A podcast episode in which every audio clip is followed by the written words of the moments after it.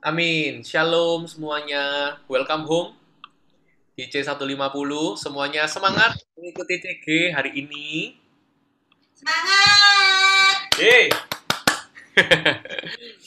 Jadi hari ini eh, kita nggak ada breakout room, kita hanya Q&A aja. Kita mau hari ini berdiskusi gitu ya. Sama-sama kita mau diskusi apa sih keselamatan itu. Jadi kayak eh, kita mau mengupas tuntas tentang salvation, keselamatan yang daripada Tuhan. Nah, eh, saya percaya semuanya sudah pasti sangat antusias bukan? Nah, eh, bagi kalian yang ada di rumah yang bisa eh, nyalain video atau mungkin lagi di jalan tapi bisa eh, video-video bisa dinyalakan, bisa dinyalakan ya. Jadi supaya kita juga bisa melihat wajah-wajah kalian. Kita nggak hanya satu arah saja ke saya atau ke beberapa orang aja yang nyalain video, tapi semuanya juga eh, kelihatan mukanya gitu. Nah, halo Feni. Jadi thank you yang sudah mau ikutan eh, CG malam hari ini.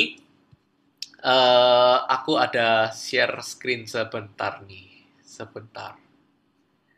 Eh, eh, eh, eh, advance share, oke. Hmm. Wait, oke. Apakah bisa? Bisa kelihatan nggak ya? Oke. Eh, Kok kenapa nggak di slideshow, Go?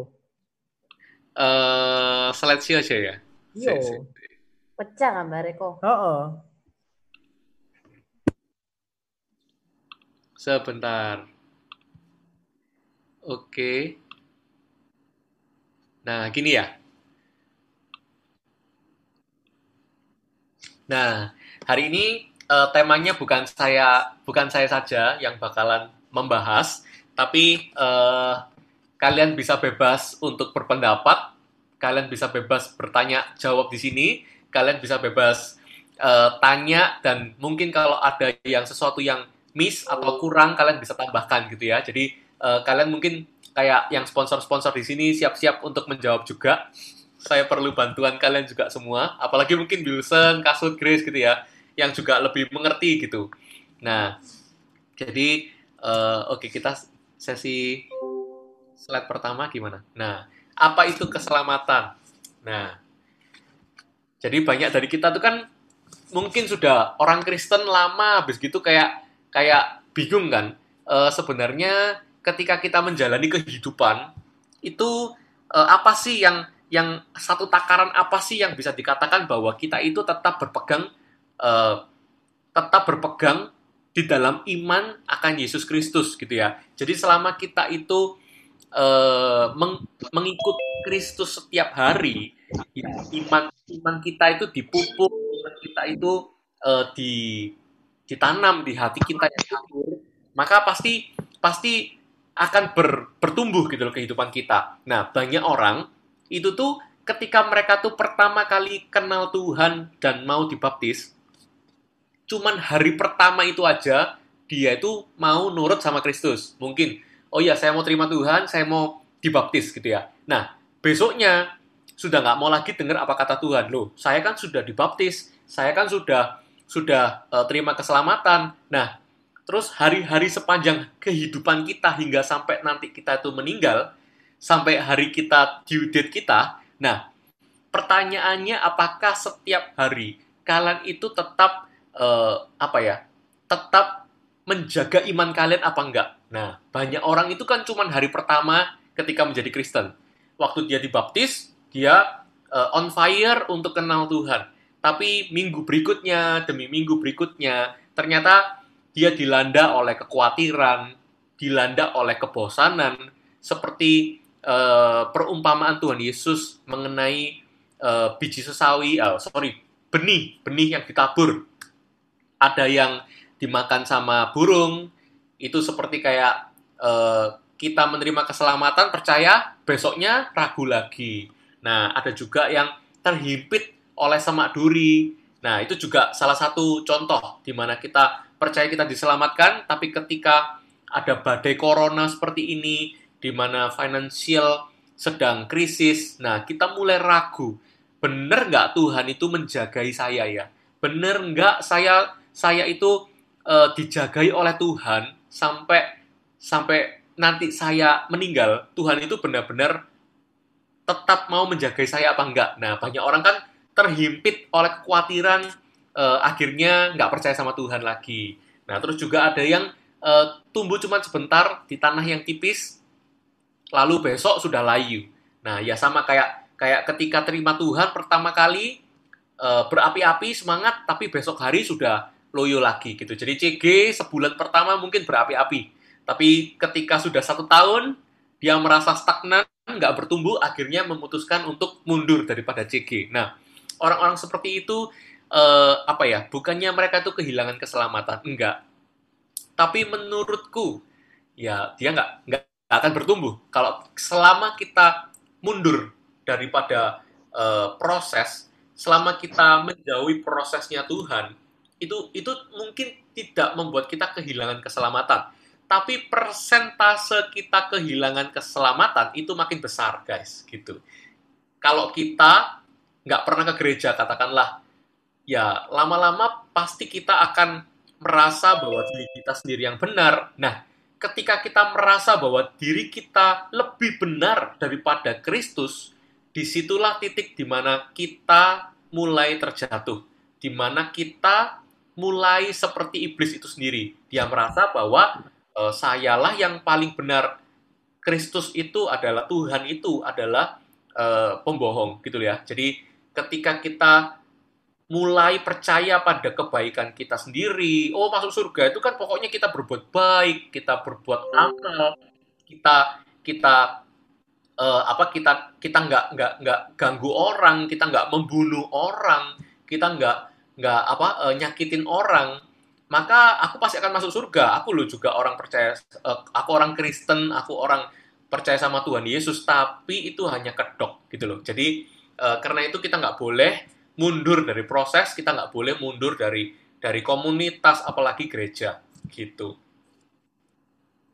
Nah, uh, ini gambarnya agak blur soalnya saya nggak bisa mendapatkan yang uh, apa namanya yang uh, rasionya bagus gitu ya, tapi kata-katanya bagus nih. Pastor Philip bilang kalau kalau Anda cari kebaikan semata-mata, agama apa saja itu mengajarkannya. Tapi kalau yang Anda cari adalah keselamatan bagi jiwa Anda, mau tidak mau, Anda harus bertemu Yesus. Tuhan Yesuslah satu-satunya jalan. Nah, di sini sangat cukup jelas, gamblang dan menjawab beberapa pertanyaan sekaligus ke depan gitu ya. Jadi uh, barusan baru saja ini aku dapatkan uh, langsung aku masukin di PowerPoint gitu. Jadi makanya gambarnya kurang bagus soalnya nggak punya waktu untuk cari. Cuman kata-katanya ini menarik menarik banget gitu. Terus kita mungkin masuk ke pertanyaan pertama yang sudah kita dapatkan uh, dan kita mewakili dari uh, beberapa pertanyaan daripada kita ya. Yang poin nomor satu itu mengapa kita harus diselamatkan. Nah ini mungkin ada yang mau bantu jawab. Mungkin Wilson, Wilson kali, Wilson. Atau Sebas, Wilson atau Sebas nih. biar menarik, biar nggak cuma satu orang saja yang menjawab. Mau Wilson apa Sebas? Ayo, sud, sud. Lo bukan kasut, maksudnya sweet. Bisa, bisa. Coba saya, coba, coba. Ayo, Bas. Ayo, Bas. Loh, ayo, Bas. Master of Apologetic. Ayo. Ayo, Bas, bentar, Bas. Jadi apa, Bas? Tuh. Mengapa kita harus diselamatkan?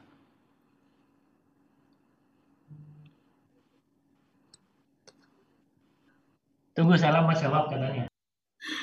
Boleh, Sel.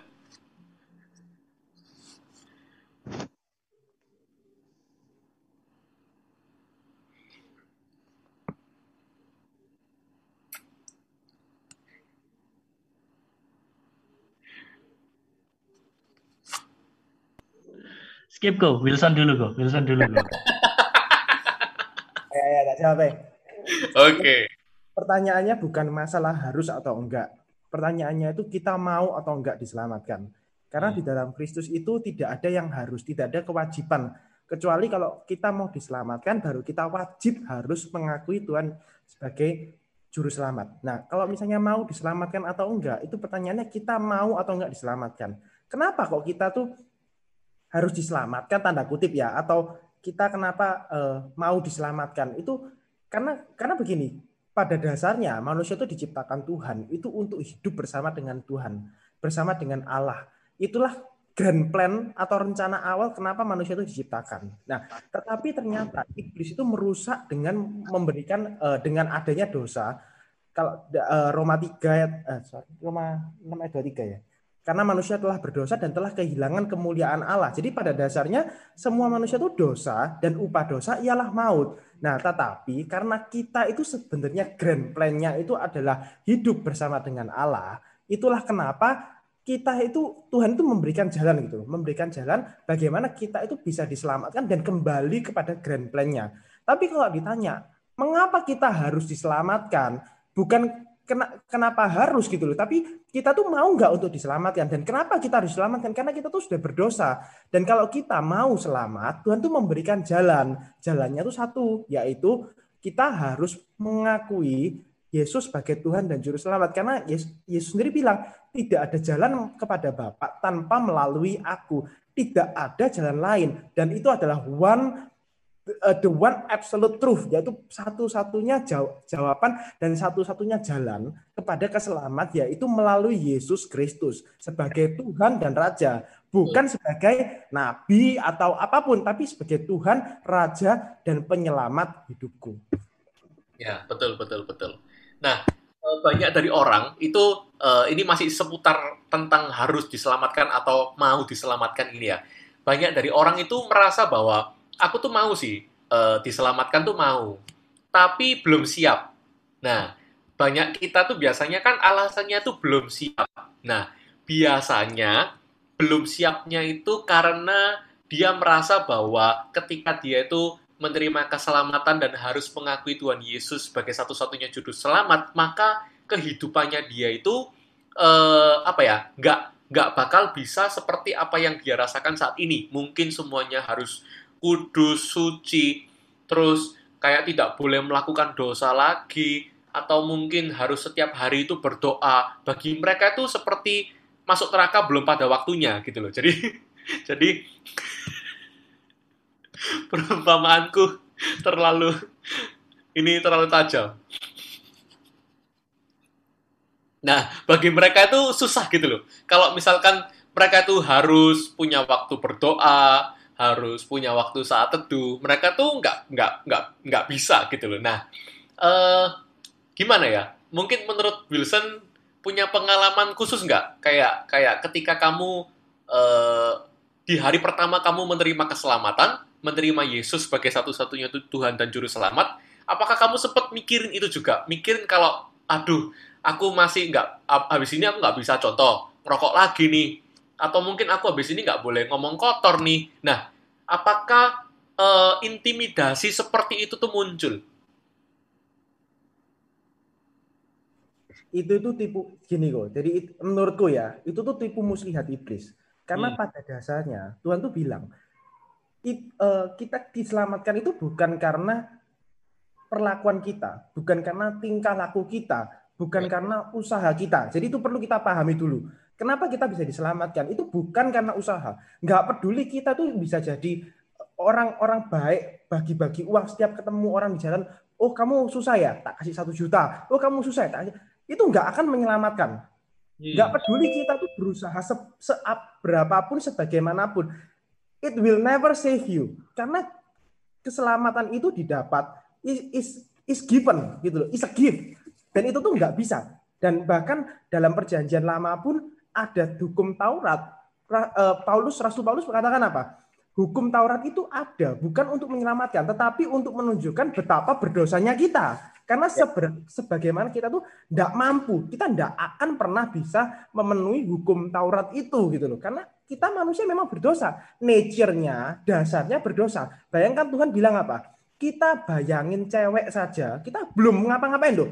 belum ngechat, belum belum ngapain, itu sudah berdosa. Kita baru punya pemikiran, itu sudah kita melakukan sebuah perzinahan. Jadi tidak mungkin gitu loh kalau kita tuh tidak berdosa. Tetapi Tuhan bilang apa? Kalau misalnya kamu percaya, hanya percaya dan itu akan diberikan kepadamu gratis. Gift, hadiah. Hadiah itu kita tuh tidak layak. Namanya anugerah, grace. Karena itu. Jadi menurutku kalau itu tuh tipu muslihat iblis untuk kita tuh oh kamu tuh kalau nggak kayak gini kamu nggak akan diselamatkan. Oh kamu nggak gini nggak akan diselamatkan. Aku pernah dulu sampai gini kok aku sampai uh, aku merasa ya eh aku sudah nggak ber, aku sudah nggak berdosa loh selama satu minggu satu bulan ini. Aku mikir kayak gitu eh semoga lah aku tak nyetir mobil tubruan mati gak apa-apa wis tapi masuk surga langsung. Nah itu tuh pemikiran-pemikiran yang salah gitu loh. Pada dasarnya bukan kayak gitu. Kita tuh apa ya berkomitmen untuk terima Yesus itu everyday bukan bukan hari pertama habis gitu besoknya loyo apa. Tapi itu everyday is everyday commitment. Kayak kita yeah. berkomitmen setiap hari untuk oh kita ke kantor kita kerja cari uang makan dan lain-lain. Keluarga punya istri itu komitmen setiap hari. Punya suami itu komitmen setiap hari. Bukan komitmen sesaat bukan. Tetapi everyday komitmen mengikut Yesus juga everyday komitmen gitu. Jadi yeah. kalau ditanya aku kok belum siap atau apa, itu tuh tipu muslihat iblis. Selama kita mau, selama kita adu, kita tuh nggak akan pernah layak kok untuk terima kalau akan usaha kita. Tetapi itu anugerah yang diberikan itu. Jadi isabot kamu mau atau enggak untuk terima Tuhan Yesus itu. Begitu mau, saat itu juga kamu diselamatkan. Ya betul betul. Jadi kayak kayak kita itu uh, sebagai calon istri gitu ya. Contohnya kayak kita tuh istri, lalu Tuhan Yesus itu suaminya kayak Tuhan Yesus tuh bilang sama kita, mau nggak kamu, uh, aku janji nikah sama kamu. Sebetulnya yang paling untung itu ya posisi kita. Karena ketika Tuhan Yesus itu memberikan janji kepada kita, Tuhan Yesus itu pasti akan menepati. Sedangkan kita itu ada di posisi di mana kita itu belum tentu bisa men, men, uh, memenuhi setiap janji kita gitu loh. Jadi jadi uh, sebetulnya kalau kita itu menerima keselamatan, itu tuh yang paling diuntungkan itu ya adalah kita. Secepat dan sedini mungkin kita terima janji itu ya maka kita akan uh, apa ya lebih aman. Hari ini aku terima Tuhan nggak tahu besok aku belum tentu hidup Wah, apalagi di musim corona gini kemungkinan besar aku mati itu lebih besar di tahun 2020 bukan? Setiap kita punya kemungkinan lebih besar daripada tahun lalu sih menurutku. Karena ketika kita salah salah uh, ketemu sama orang aja kita nggak tahu dua minggu lagi kita bisa hidup tetap hidup apa enggak gitu karena karena virus corona ya dua minggu lah. Kasih waktu kita spend waktu dua minggu kan? Nah jadi uh, menurutku semakin dini kita terima keselamatan itu yang untung kita sih. Gitu Mungkin ada yang mau menambahi seputar keselamatan atau mungkin next question? Chris mau nambahin? Atau mau ada yang bertanya? Menambahin? Kita lihat uh, next-nya apa nih? Uh, next-nya, kalau hanya Adam yang berdosa, it's, kenapa kita semua ikut tuh keteken-teken? Kenapa kenapa kita semua ikut uh, berdosa gitu ya. Kenapa kita semua ikut dihukum? Nah, kalau hanya Adam yang berdosa, kenapa kok semua humankind akhirnya harus dihukum? Nah, mungkin ada yang mau jelasin, Michelle, Astrid?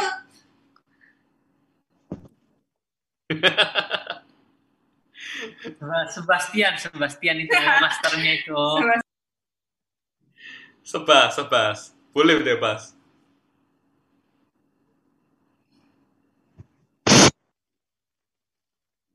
Sebasnya diem lagi.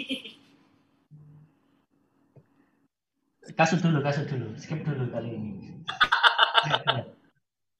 Kok kayak sama aku biasanya panjang-panjang, aku diajari ini itu. Sekarang kamu pura-pura nggak tahu ya, Bas ya? Jangan. Nanti master apologetiknya itu gawat kalau salah. Grace aja nih jawab, eh, Grace nanti aja aku. Ini menurut aku ya karena ya pada saat dulu Adam itu adalah perwakilan dari semua manusia dia adalah satu manusia karena dia kan dulu diciptakan manusia pertama ya pada saat Adam dan Hawa jatuh ke dalam dosa ya artinya 100% populasi manusia berdosa gitu. Terus pertanyaannya, pada saat itu kan kita belum lahir kok kita ikut-ikutan kena ya karena Adam itu adalah eh, papa kita. Kayak Tuhan itu kan Tuhan yang memberikan berkat berkat keturunan. Kutuk tuh juga bisa nurun. Makanya kenapa dosa tuh kok bisa sampai jadi keturunan gitu. Karena satu manusia berdosa eh, kita semua jadi dihukum. Tapi puji Tuhannya karena ada satu manusia yaitu Tuhan Yesus Kristus, dia mati buat dosa kita semua. Nah, dosa kita juga dihapuskan gitu. Kalau kita mau seperti yang tadi Wilson bilang mengaku bahwa Yesus Kristus adalah juru selamat kita. Jadi um, bisa dibilang tuh Yesus adalah uh, apa ya korban yang penebusannya, korban penebusan. By the way, Kopur kenapa tiba-tiba gelap ya? Kaget. Kopur mati lampu ta? Aduh. Kopur mati lampu ta ini?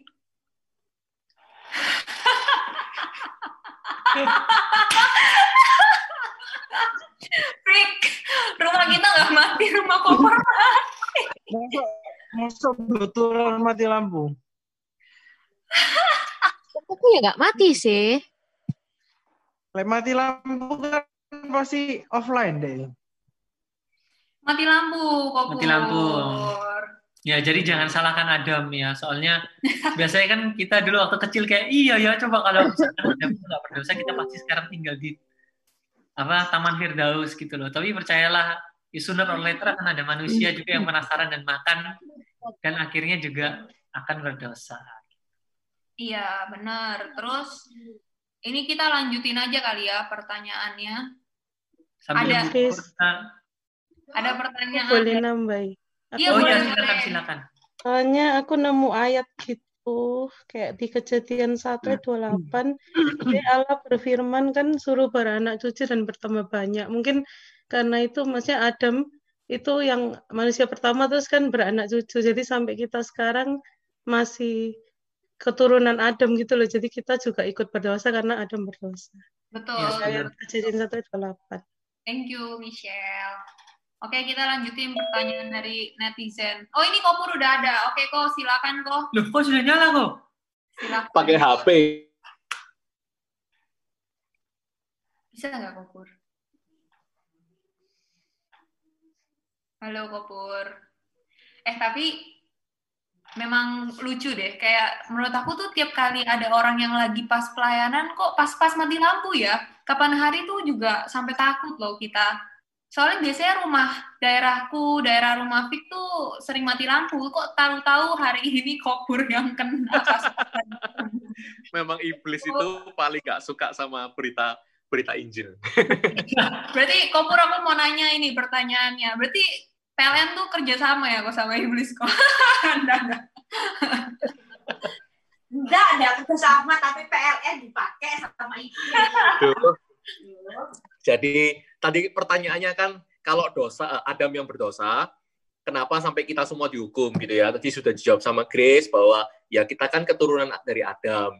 Nah, ya pasti kita anak-anaknya Adam ya pasti kita juga eh, ikut eh, eh, kutuk atau dosa itu pasti juga akan turun ke kita gitu loh. Jadi makanya kenapa kok sifat kita sama manusia yang lain itu sama aja. Kalau kita kita kita mungkin eh, bisa menilai diri kita bahwa oh kita kan nggak seburuk sama teroris orang-orang teroris tapi eh, kalau kita benar-benar sadari bahwa sebetulnya di hati dan pikiran kita itu sama cuman bedanya kita tuh nggak punya nyali untuk melakukan apa yang mereka lakukan bedanya kalau teroris mereka punya keberanian karena mungkin ada satu orang yang ngojok-ngojoki gitu ya. Ayo kamu nggak suka sama dia. Bunuhan bunuhan. Kak bayangkan setiap hari kalian digituin sama orang. Pasti kalian akan membunuh orang itu gitu kan. Kan udah terbrainwash. Bedanya kita tuh nggak berani aja sih pegang pisau lalu membunuh sama seseorang. Tapi kalau misalkan kalian di, di di apa ya kalian sudah benci sama satu orang kalian pasti akan membayangkan tuh mobilnya tak tabrak ya atau mungkin kaca tak pecah ya atau mungkin le ada le ada pisau nggak ada nggak ada nggak ada polisi yang berani eh, apa nggak nggak ada yang berani nggak nangkap aku pasti tak bunuh pasti kayak gitu nah bedanya apa kita dengan teroris ya itu bedanya cuman kita ini eh, nggak punya kesempatan mereka punya kesempatan dan keberanian. Jadi sebenarnya kita sama-sama teroris sih. Kita sebenarnya sama-sama aja meng, otak kita sama, made in-nya made in made in uh, apa made in dosa gitu ya, bukan made in China sih. Semua hati kita juga sama, uh, tubuh kita juga sama. Jadi jadi uh, kita semua tuh sama, kita semua itu perlu diselamatkan. Makanya di poin pertama tadi dikatakan bahwa kenapa kita perlu diselamatkan? Karena uh, made in kita made in daging kita ini sudah made in dosa. Kita harus disucikan, harus dibilas dengan darah Kristus supaya kita bisa menjadi ciptaan yang baru. Gitu. Jadi jadi semoga cukup jelas dengan dengan poin satu dan poin dua ini agak related. Lalu di poin nomor tiga, uh, oke, okay, saya coba rotate kamera. Apakah manusia adakah manusia yang tidak berdosa? Pertanyaannya, adakah manusia yang tidak berdosa? Mungkin ada yang mau jawab ini? Siapa mau jawab? Januar Cimang? Ada, ada. Oh. Boleh, boleh. Tuhan Yesus kok. Siapa yang jawab ya? Hendy, Hendy jawab. Oh, ya, ya, ya. Ya, Tuhan Yesus. Uh, Tuhan Yesus, Tuhan Yesus itu uh, ya boleh lah bisa dibilang dia turun ke dunia jadi manusia sih. Mungkin selain itu, selain Tuhan Yesus, kalau kita kan tahu bahwa Tuhan Yesus juga juga 100% manusia, 100% Tuhan gitu ya. Jadi uh, kalau dia berdosa, ya tentu saja dia nggak bisa nggak bisa menyelamatkan kita. Tapi beside of Tuhan Yesus, apakah ada? Kalau menurut jawabanku sih nggak ada sih. Ya, harusnya nggak ada lah ya. kalau kalau ada kalau ada uh, menjadikan Tuhan Yesus itu pembohong gitu. Jadi nggak mungkin ada uh, selain Tuhan Yesus. Kalau ada yang ngomong bahwa saya itu nggak berdosa, saya itu uh, adalah utusan uh, utusan dari dari Tuhan untuk untuk kalian harus nyembah aku. Nah, itu udah udah menyatakan bahwa Tuhan Yesus itu pembohong gitu loh. Jadi jadi orang-orang seperti itu pasti sampai sekarang pasti tetap ada yang memanfaatkan eh, apa ya memanfaatkan memanfaatkan eh, firman atau dia mengutip mengutip Injil atau apa untuk membenarkan dirinya bahwa bahwa dia itu Mesias yang Mesias yang diutus gitu ya. Kalian kalau kalau kalian tahu di Korea itu ada ada apa sih namanya aliran aliran aliran yang kayak gitu itu yang gara-gara mereka itu akhirnya COVID di di Korea itu akhirnya booming gara-gara mereka gitu loh. Jadi salah satu aliran gitulah di Korea. masih masih ada ternyata orang yang bisa mengaku bahwa dia tuh Tuhan Yesus di tahun 2000-an ini. Jadi di tahun 2020 tuh dia kayak ngaku-ngaku aku tuh Tuhan Yesus yang sudah datang gitu, tapi nggak ada manusia yang percaya gitulah. Masih ada ternyata kayak gitu. Terus uh, poin keempat, apa keselamatan bisa diusahakan? Ada yang mau bantu jawab ini?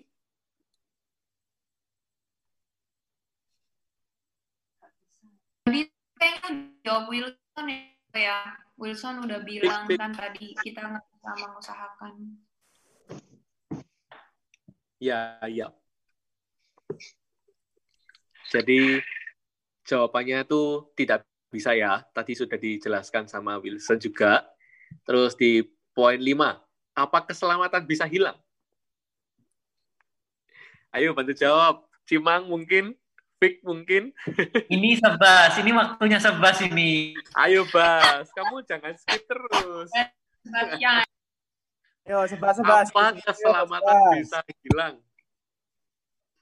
Ya, kalau menurutku uh, keselamatan ini kan jelas kalau kita uh, punya iman bahwa Tuhan Yesus sebagai satu-satunya Tuhan dan Juru Selamat, ya kita uh, diselamatkan keselamatan ya bisa hilang ya bisa. Kita lihat banyak orang juga yang uh, lari dari Tuhan yang sudah tidak lagi ikut Tuhan Yesus. Dengan kata lain kan uh, dia sudah tidak mengakui Tuhan Yesus sebagai satu-satunya Tuhan dan juru selamat. Jadi ya, jadi, ya, jadi ya. itu kan bisa dibilang ya dia sudah tidak beriman pada Tuhan Yesus, sudah tidak uh, mengalami keselamatan itu. Itu sih kalau dari aku. Oke, yang lain mungkin? Apa alasan? Guyu-guyu. Mau nambahin. Oh, Mau nambahin paling itu. Gagak, iya Victoria iya, itu. Gagak, ayo lanjut lanjut. Ayo Vic. Kenapa Vic?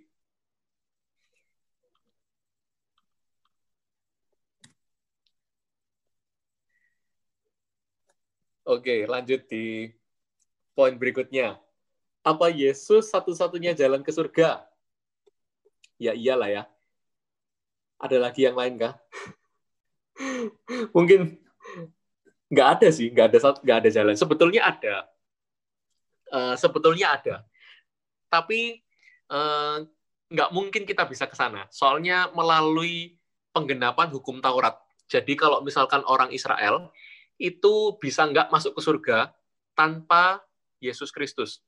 Bagi orang Israel ada satu jalan melalui dia harus ikut hukum Taurat, dia harus bisa 100% eh, tanpa cacat celah, tanpa sedikit pun dosa dari lahir sampai mati itu harus taat sepenuhnya dengan hukum Taurat, which is nggak mungkin, which is nggak mungkin. Kayak uh, apa ya hukum Taurat itu ada ribuan hukum di mana kamu melanggar satu aja maka semuanya gagal gitu. Jadi nggak ada pengampunan. Kalau di dalam hukum Taurat kamu uh, kamu kalau kamu melakukan salah aja udah kayak apa ya udah kayak uh, langsung tercoret gitu ya. Langsung kayak udah nggak bisa kamu sudah ada dosa. Ada satu titik aja celah di satu lembar kertas putih kamu udah nggak mungkin bisa masuk ke surga. Nah Lalu cara kedua adalah melalui Tuhan Yesus Kristus. Jadi ketika kita mengakui Tuhan Yesus Kristus, maka Tuhan Yesus itu sudah menggenapi hukum Taurat. Jadi jadi eh, kenapa kok Tuhan Yesus itu layak untuk menyelamatkan kita? Karena hanya ada satu orang yang tidak berdosa yang sudah melakukan hukum Taurat dan sudah menggenapi hukum Taurat itu yang layak uh, menyelamatkan kita. Karena itu Tuhan Yesus turun ke dunia, dia menyelesaikan hukum Taurat itu, karena itu Tuhan Yesus kan ngomong, e, saya datang ini bukan untuk e, mentiadakan hukum Taurat, tetapi itu menggenapinya gitu loh. Jadi hukum Taurat itu sampai sekarang tetap ada. Kalau kalau kita e, kalau tidak ada hukum Taurat, maka juga tidak akan ada dosa karena tidak ada tidak ada peraturan, maka tidak ada yang melanggar. Tapi karena hukum Taurat itu ada, karena itu peraturan itu ada, karena itu dosa itu ada. Ya gara-gara ada hukum Taurat itu. Hukum Taurat itu tertulis di setiap hati kita. Jadi walaupun kita bukan orang Israel, tetap hati kita tuh uh, sudah tertulis di sana hukum Taurat itu. Kita pasti akan memikirkan cara masuk surga gimana. Ya pasti otak manusia yang nggak kenal Yesus pasti jawabnya sama. Ya berbuat amal yang banyak, berbuat kebaikan yang banyak, karena itu hukum Taurat gitu. Karena karena hukum Taurat itu mengajarkan kita untuk seperti itu. Karena itu uh, manusia kalau tanpa Yesus Kristus pasti uh, cara ke surganya itu aneh-aneh gitu loh. Jadi harus inilah, harus itulah. Uh, orang Kristen aja masih bisa disesatkan dengan dengan ajaran-ajaran yang kalau misalkan masuk surga harus menginjili. Nah, itu kan ada uh, apa ada ada apa sih namanya? Uh, Kristen apa sih? Yang biasanya baju-baju putih, saksi Yehova. Nah, saksi Yehova. Nah, itu banyak macam kan. Ada ada apalagi adalah apalagi aliran apa uh, uh, namanya apalagi banyak gitu loh. Di Kristen aja lo banyak terjadi penyesatan. Apalagi orang yang di luar sana yang nggak kenal sama kebenaran. Pasti banyak eh, cara-cara aneh-aneh yang mereka itu pergunakan gitu. Nah, terus di poin berikutnya nih ada lagi, apa keselamatan itu ditentukan oleh diri sendiri atau sudah diatur sama Tuhan? Ini yang belum pernah partisipasi siapa nih? Aku mau tanya Astrid, gimana Trit menurutmu Trit?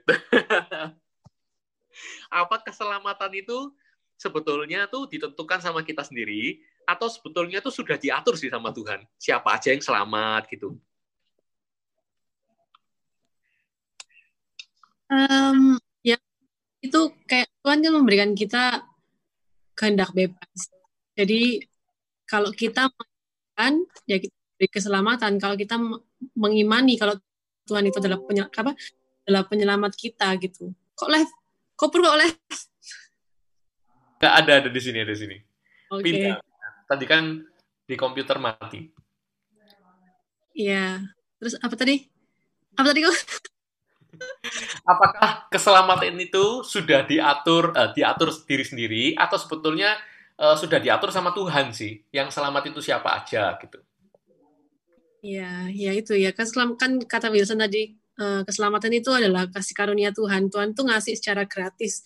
Asalkan kita itu mau mempercayai kalau Tuhan Yesus itu adalah penyelamat kita gitu. Jadi kayak jadi kalau misalnya eh, kita nerima, kita kan punya free will. Kalau kita nerima, ya kita dapat keselamatan dari Tuhan sebagai grace.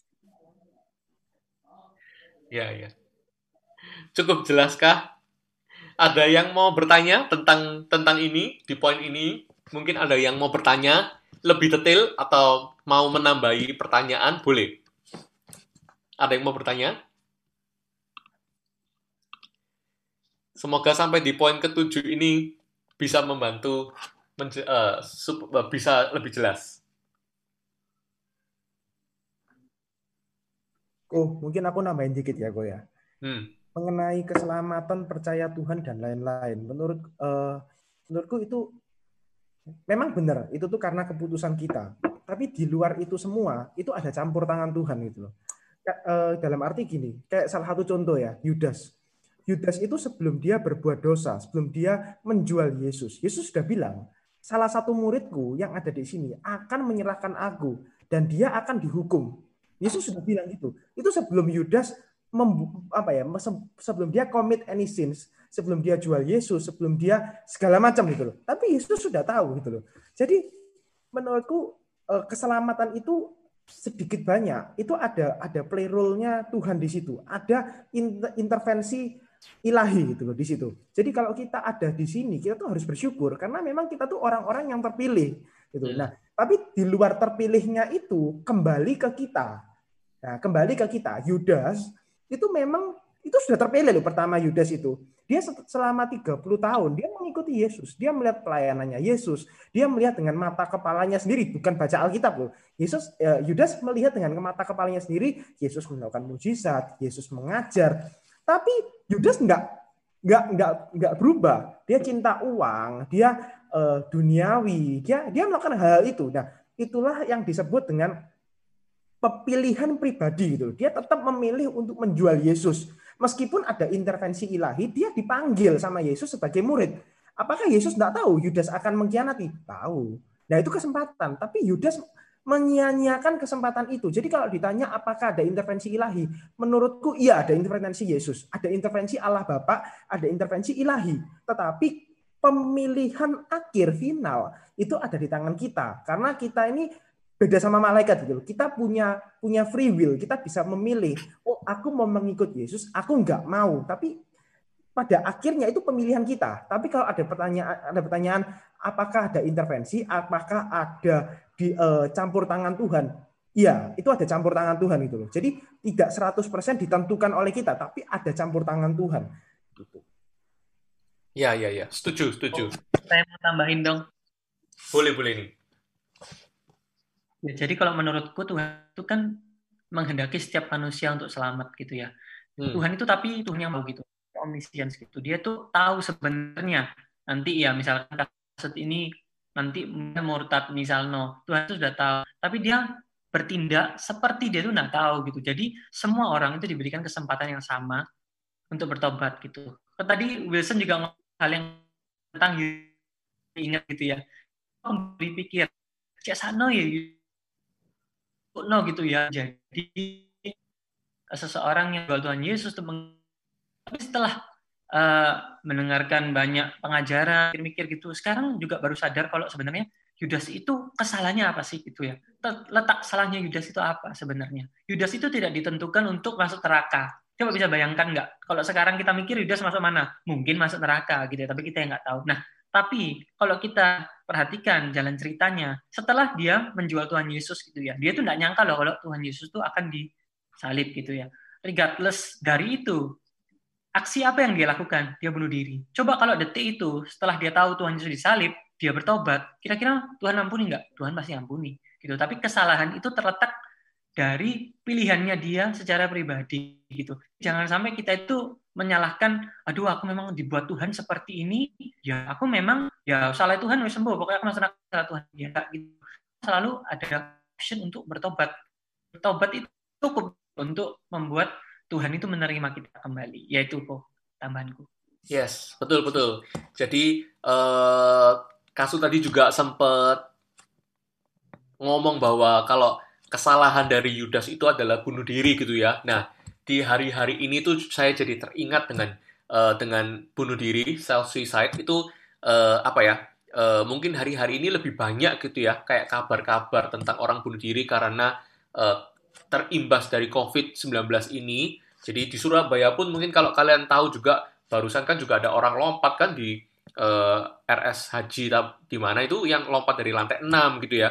Karena dia merasa aku udah nggak nggak pasti bisa nggak nggak apa eh, nggak bisa sembuh dari covid akhirnya dia lompat gitu jadi kayak kayak banyak sekali orang yang uh, akhirnya pasrah dengan dengan dengan keadaannya memutuskan cara yang paling singkat untuk mengakhiri hidup adalah dengan bunuh diri nah sebenarnya apa sih pikiran apa sih kok orang itu bisa bisa mikir bunuh diri itu adalah cara yang paling cepat untuk ke surga padahal itu tuh semua adalah tipu muslihat gitu loh itu semua ketika kita bunuh diri, jangan sampai kita lakukan itu, kita nggak akan pernah bisa masuk ke surga karena uh, Pastor Philip juga sempat singgung gitu ya. Kita masuk ke surga itu sudah ada jadwal appointment gitu ya. Jadi ketika kita anak Tuhan, kita tuh sudah dikasih waktu, oke okay, kamu akan meninggal jam segini ya, di tanggal berapa, di tahun berapa. Itu hanya Tuhan yang tahu. Nah, kalau kita itu uh, datang ke sana sebelum waktunya, ya pasti kita nggak akan diterima gitu loh. Jadi seperti itu. Uh, jadi jangan sampai kita masih muda-muda di sini, jangan sampai ada pemikiran bunuh diri gitu ya. Karena banyak sekali uh, komen-komen di YouTube pelayanan dari Pastor Philip, nggak tahu itu hari Minggu, nggak tahu itu uh, IG, uh, sorry hari Rebu dan hari Sabtu, ketika live IG dan live YouTube itu banyak guys. Kalau kalian nggak sadar ya, kalian mungkin scroll-scroll komen di bawah gitu, itu banyak orang yang bilang kalau mau bunuh diri gitu ya. Jadi pamit, atik pamit di YouTube gitu ya. Ngapain gitu loh pamit di YouTube? Jadi bener-bener ada ada aku pernah ada yang uh, di di grup leaders gitu ya. Ada yang ada yang uh, nge-share juga kalau orangnya tuh sebetulnya sudah pamit di uh, satu hari sebelumnya. Dan beneran akhirnya kayak besoknya itu ada yang ngechat juga kayak kakaknya atau siapa dia kayak berduka cita karena dia tahu kalau adiknya tuh ternyata sempet uh, pamitan di situ gitu loh. Karena orang GMS mana gitu lah luar pulau gitu loh. Jadi jadi kayak sedih banget sih kayak ngelihat ngelihat orang-orang itu kadang uh, nggak nggak mikir panjang tiba-tiba bunuh diri itu kasihan banget sih jadi jangan sampai terjadi di kita kita gitu terus di poin berikutnya nih apa keselamatan bisa tadi sampai mana ya oh ini di poin 8 nih. Uh, mungkin satu dua poin terakhir dah. Apa hukum Taurat masih berlaku? Ya uh, masih berlaku. Seperti tadi saya jelaskan, hukum Taurat itu masih berlaku sampai sekarang. Terus uh, satu poin terakhir nih, satu poin terakhir. Apa ya? Dipilih, dipilih. Mungkin ada yang mau bertanya? satu poin terakhir.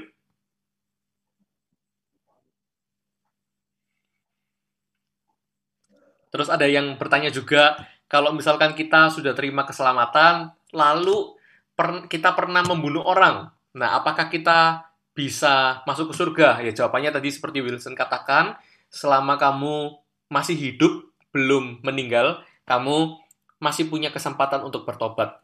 Walaupun dosamu pernah membunuh ratusan orang gitu katakanlah ya. Ratusan orang kamu sudah bunuh orang seratus karena karena memang e, benci sama mereka gitu.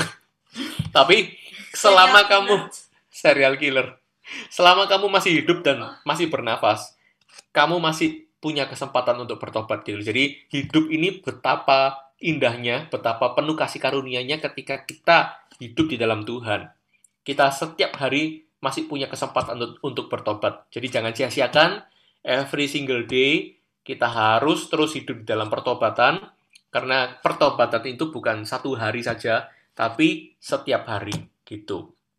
Poin terakhir Oh, ya. bertanya. Ya boleh boleh. Mau bertanya kok. Jadi ceritanya nih, contoh kalau misalkan kita ini udah bertobat gitu ya, tetapi keluarga itu masih belum Kristen, non Kristen, kita mungkin dilarang gereja dan kita itu dipaksa gitu untuk pokoknya kamu harus ikut, misalkan orang tua Buddha gitu, misalkan sembahyang atau Islam, ayo kita sholat misalkan, itu apakah mempengaruhi keselamatan kita kok dan apa yang harus kita lakukan kok? Oke, jadi eh, selama kita sudah mengakui dengan mulut dan dengan akal budi yang sehat, kita kita mengakui bahwa Tuhan Yesus itu adalah juru selamat satu-satunya. Detik itu juga keselamatan itu nggak akan pernah bisa hilang kecuali kita menjual, kecuali kita menolak Yesus one day, kecuali kita eh, membuang iman kita atau sudah lagi nggak percaya sama Tuhan Yesus. Itu hilang, keselamatan kita bisa tercuri. Tapi as long as uh, kita pernah mengakui Kristus dan kita masih memegang teguh, nah masalah memang di luar sana masih banyak tekanan untuk untuk kita kita harus tetap harus begini harus begitu. Ya kita harus selama kita nggak bisa menghindar ya. Kalau misalkan kita memang bisa uh, bisa say ke orang tua kita bahwa uh, sorry uh, mama sama papa mungkin bisa diajak ngomong, bisa diajak berdiskusi, ya kita harus ngomong bahwa bahwa uh, saya uh, saya sudah saya sudah mengakui Yesus sebagai Tuhan Juru Selamat, saya sudah pindah ke agama, sama seperti halnya saya dulu dari Katolik ke Kristen. Walaupun sepertinya sama-sama Tuhan Yesus, tapi nggak mudah loh dari dari keluarga yang uh, Katolik yang totok gitu ya. Dan saya pun juga dulu pelayanan di Katolik gitu ya. Jadi jadi uh, orang yang Katolik totok untuk pindah ke Kristen itu alangkah alangkah susahnya gitu loh. Perlu waktu bertahun-tahun untuk saya itu benar-benar bergumul dan dan dan tetap percaya bahwa one day aku akan uh, bisa maksudnya uh, terlepas dari dari agama lamaku karena karena memang memang apa ya kayak kayak nggak uh, mudah gitu loh jadi dari agama seberang atau dari agama yang non Kristen menjadi orang Kristen. Lebih gampang keluarga Kristen anaknya tuh ya pasti terima Tuhan. Itu lebih gampang. Tapi saya jadi lebih menghargai bahwa kekristenan itu sangat berharga gitu loh bagi orang di luar sana. Nggak gampang loh untuk kalian punya waktu melayani kalian punya keluarga yang mendukung kalian punya kalian bisa bebas mau ke CG kalian bisa bebas mau beribadah main gitar di rumah nyembah Tuhan. Itu e, menurutku betul kata Wilson tadi itu semua itu adalah pilihan Tuhan. Kita ini adalah orang-orang yang dipilih Tuhan. Nggak mudah loh untuk bisa punya all access ke Tuhan dengan benar-benar disupport oleh lingkungan dan keluarga gitu loh. Jadi jadi it's a privilege it's a privilege untuk kita itu bisa dipilih Tuhan dan bisa menikmati kebebasan beribadah sama Tuhan. Jadi uh, ya tadi poinnya tuh pertanyaannya apa ya? kalau misal orang tua maksa kita untuk beribadah ya, betul, gitu. Betul. Ya, ya. Jadi kalau misalkan memang memang ada paksaan, masih ada paksaan, ya kita lakukan, tapi dengan ya dengan alasan menghormati orang tua. Jadi eh, nggak akan nggak akan merubah keselamatan as long as kamu eh, apa benar-benar dipaksa loh ya. Karena ketika kamu dipaksa itu berarti bukan dari kemauan diri kita sendiri. Ya, ya, is okay. As long as kita bukan dari kita sendiri. Kopur. Ya. Aku boleh nambahi untuk boleh dong. hukum Taurat ini. Menurutku hukum Taurat memang masih berlaku. Tapi kalau kita udah di dalam Tuhan, hukum Taurat nggak berlaku lagi karena uh, uh, salvation itu karena itu kasih karunia dari Tuhan. Jadi itu bukan tambahan ke dalam hukum Taurat tapi replacement kayak yang gantiin hukum Taurat. Jadi hukum Taurat udah nggak berlaku terus kasih Tuhan um, apa keselamatan Tuhan yang ada di dalam kita itu yang sekarang ada berlaku dan kita melakukan segala sesuatu itu menurut karena kasih karunia Tuhan. Jadi kita melakukan semuanya untuk Tuhan, bukan untuk kayak untuk memuliakan Tuhan, bukan untuk kayak kita mau dapat token buat masuk surga atau mau dapat token buat mendapatkan keselamatan. Jadi Yes. kayak orang yang di Alkitab tuh ada yang orang kaya yang menjual harta itu, dia kan eh, di ada bilang Tuhan Yesus ada bilang jualah segala yang kau miliki dan bagi-bagikanlah pada orang-orang miskin, terus habis itu maka engkau akan beroleh harta di surga. Habis itu ikutlah aku gitu. Jadi kayak hukum Taurat udah nggak berlaku, jadi kita itu di dalam kasih karunia gitu. Hmm, Ya, itu betul. menurutku. Sip, thank you Michelle eh, untuk tambahannya tentang hukum Taurat.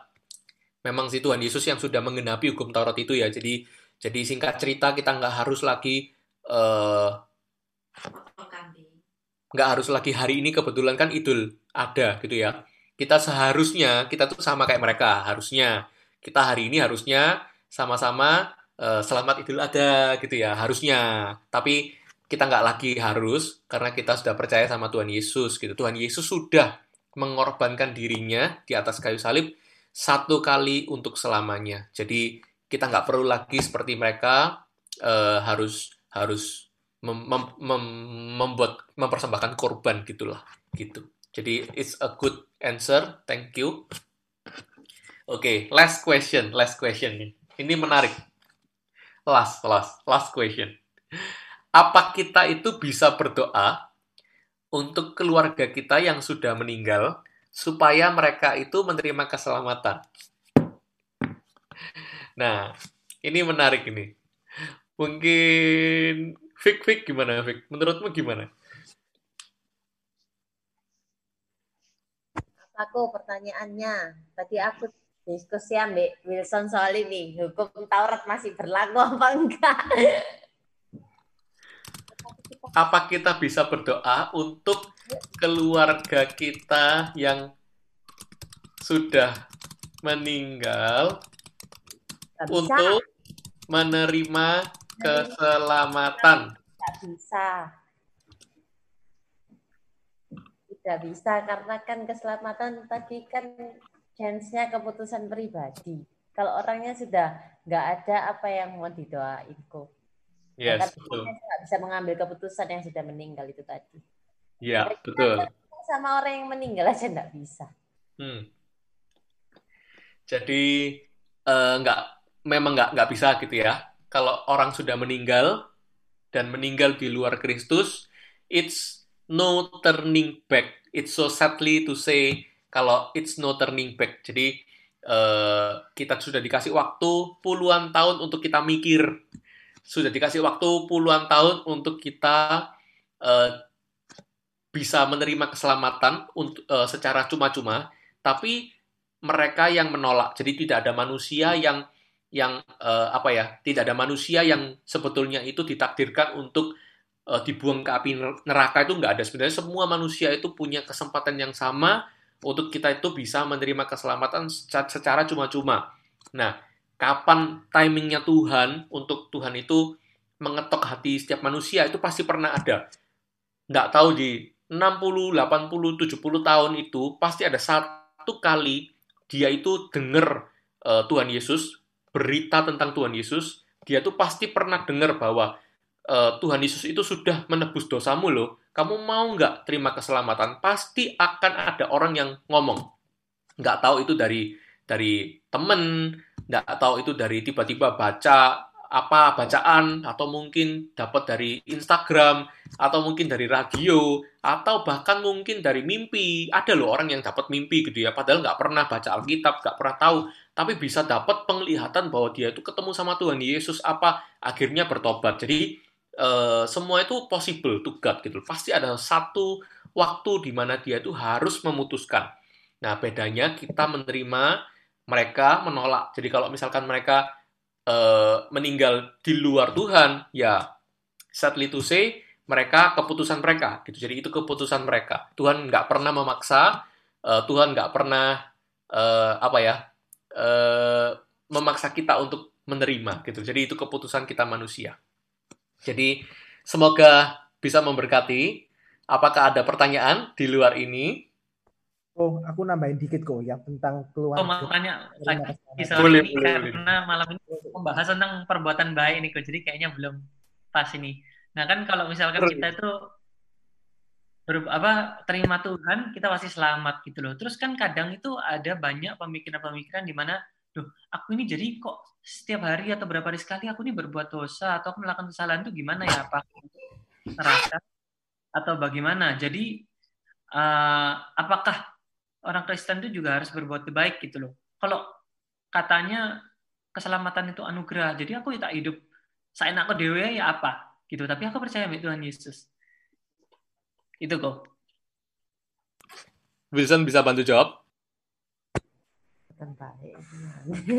Jadi yang yang maksud apakah perbuatan per- kita harus melakukan perbuatan baik gitu ya? Ya, ya untuk selamat. Soalnya kan kalau nggak gitu kan, eh, aku bisa aja mikirnya kayak, ya aku kan sudah selamat, jadi ya aku tak lakuin sesuai keinginanku aja lah. Yang penting kan aku percaya sama Tuhan Yesus.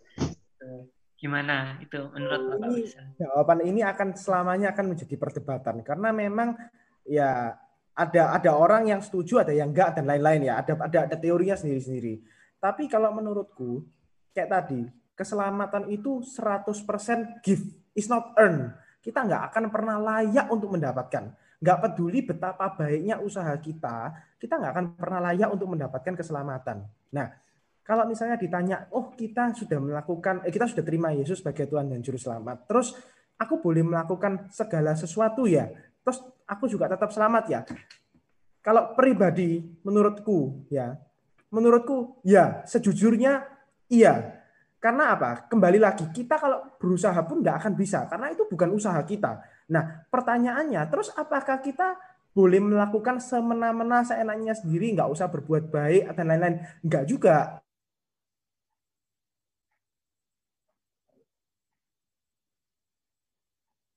Duh, rumah Fik mati lampu. mati lampu. Eh, tak pikir aku sih ngeleko. rumah Fik mati lampu. Serius Masa tak mati lampu kok? kok? Terus kok tiba-tiba mati?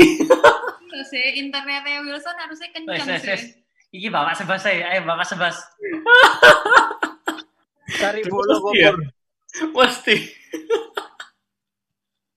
Sebenarnya Happy, happy. boleh nggak? Tadi kan Kase tanya toh, maksudnya terus kalau kita keselamatan itu nggak berdasarkan perbuatan Oh. baik, ngapain lagi kita berbuat baik? Nggak ada faedahnya karena kita berbuat baik, kita nggak berbuat baik, toh kalau percaya sama Tuhan Yesus kan kita selamat. Gitu pertanyaannya. Ya, betul. Sebenarnya kalau di Alkitab ya, ini biblical. Di Alkitab tuh bilang keselamatan itu adalah anugerah. Betul, aku setuju. Tapi kita menerima keselamatan itu melalui iman. Kita menerima keselamatan melalui iman dan di Alkitab tuh di Ibrani bilang iman tanpa perbuatan pada dasarnya mati.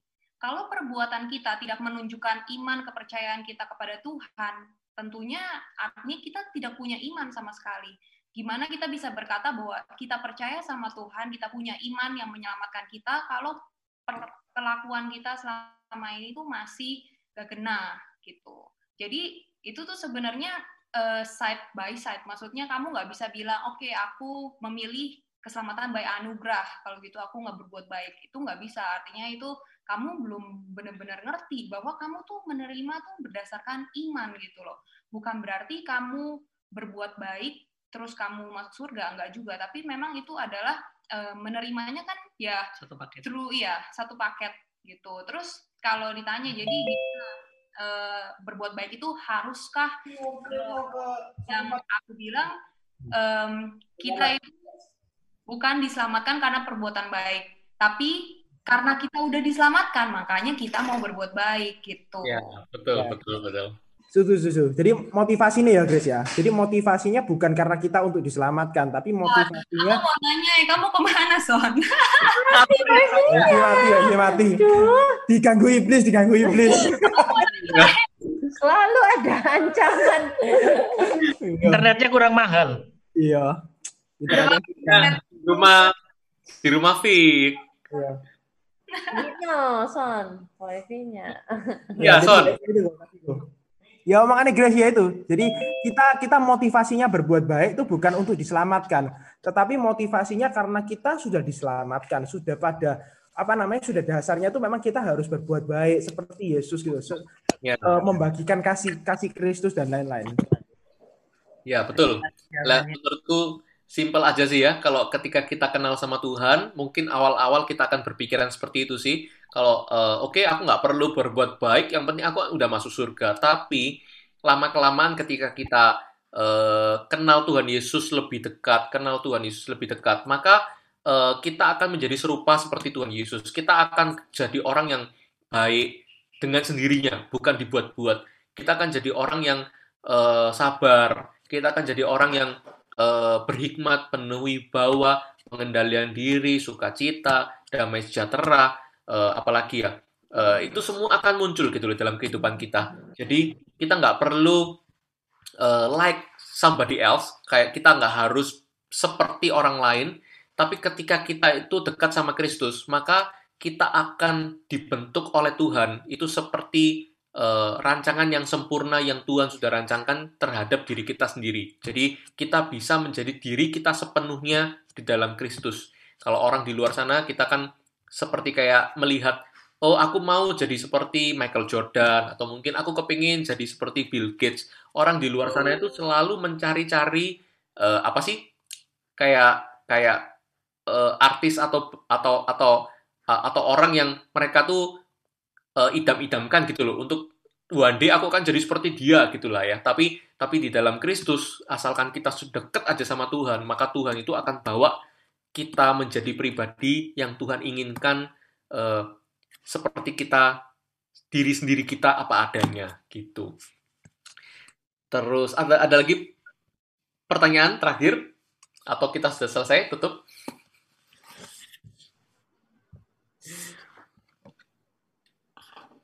Tadi sebenarnya muncul satu pertanyaan tapi saya tiba-tiba lupa ngeblank. Gara-gara Wilson mati lampu.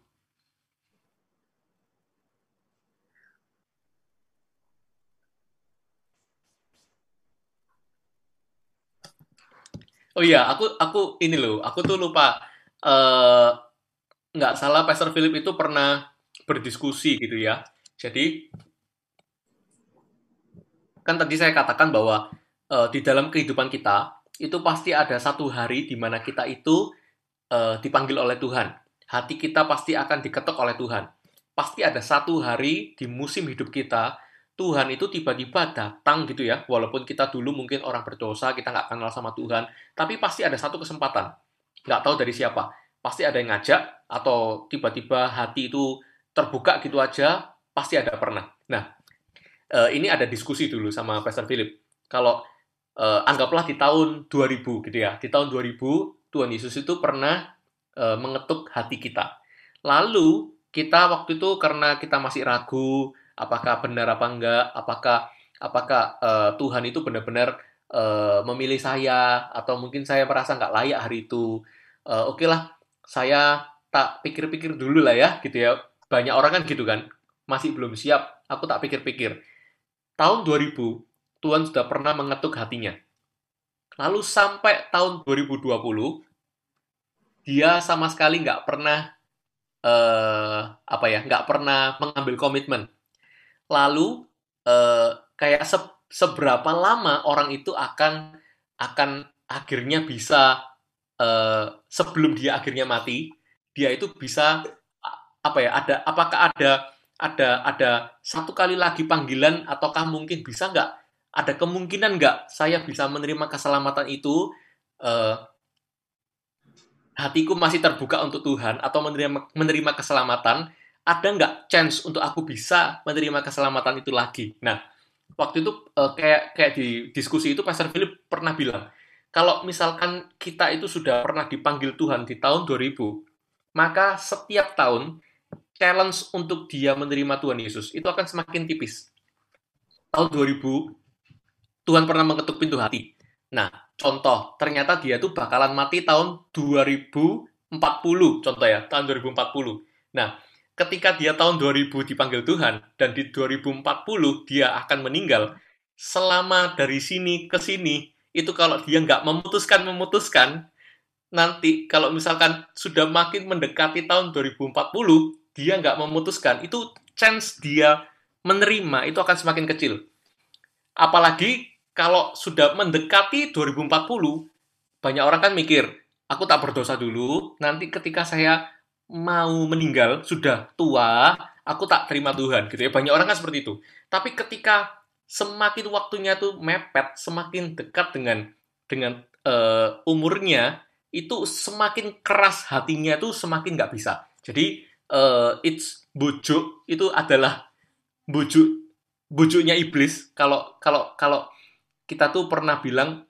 uh, kita merasa bahwa oke okay, aku tak menikmati dosa dulu, nanti waktu di akhir hayat hidupku ketika aku sudah tua atau mendekati ajal kematianku, aku baru mau terima Yesus. Itu sama sekali salah karena pikiran itu adalah pikiran tipuan dari iblis di mana uh, kalau kita terus menolak Yesus lama-lama kita tuh nggak perlu ada yang ngomongi nggak perlu ada yang ngomongi bahwa uh, nggak usah terima Yesus gitu ya. Diri kita sendiri pun tuh mau terima Tuhan Yesus itu udah nggak nggak bisa. Udah kayak bener-bener sudah keras pintu itu sudah bener-bener tertutup gitu loh. Jadi jadi sangat bahaya sekali. Semakin lama kita semakin lama kita menerima Yesus semakin kecil chance kita untuk kita itu bisa menerima keselamatan. Jadi uh, sangat sangat penting bagi kita anak-anak Tuhan untuk kita tahu bahwa orang di luar sana itu sangat-sangat uh, sebetulnya itu adalah sangat-sangat uh, kasihan banget gitu ya. Mereka itu seperti kayak seakan-akan ditipu sama iblis gitu ya. Uh, aku nanti nanti kan masih bisa terima Tuhan, tapi every day dan every years mereka itu kesempatan mereka untuk terima Tuhan itu akan semakin kecil gitu loh. Karena hati mereka itu makin tahun makin keras, makin tahun makin makin pintu hati mereka tuh makin terkunci gitu loh. Jadi jadi uh, secepat mungkin kalau kita bisa terima keselamatan itu lebih baik daripada ditunda-tunda. Jadi penting kalau kalian belum baptis mengingatkan lagi ayo baptis gitu ya. Yang belum baptis, senggol kanan kirinya. Ayo baptis, ayo baptis. ya, Ya udah hari ini uh, thank you. Uh, kita singkat aja hari ini kan. Uh, belum jam 9 udah selesai. Kita doa penutup terus kita tutup cek ini ya. Kita doa yuk. Tuhan Yesus terima kasih untuk malam hari ini kami bisa berceki Tuhan. Kami masih bisa mendengar kebenaran firman-Mu. Kami masih bisa masuk ke dalam hadirat-Mu Tuhan. Mengucap syukur buat sepanjang hari ini Tuhan. Mengucap syukur buat penyertaan-Mu. Dan mengucap syukur kalau kami adalah orang-orang yang diselamatkan, kami adalah orang-orang yang dipilih Tuhan, kami percaya Engkau tetap menjaga setiap kami, sehingga pada akhirnya kami bisa bersama-sama Tuhan mencapai garis akhir bersama dengan Engkau ya Roh Kudus. Di dalam nama Yesus Tuhan kami serahkan setiap teman-teman kami yang hari ini nggak bisa join, kami percaya minggu depan mereka bisa pasti bisa join lagi ya Bapak. Uh, ajari kami juga untuk bisa ngajak mereka dengan cara-cara yang lebih unik, yang lebih lebih kreatif Tuhan, supaya mereka juga mau uh, tergerak untuk ikut CG online kembali ya Bapak. Dalam nama Yesus kami mengucap syukur, haleluya, sama-sama katakan amin. Amin.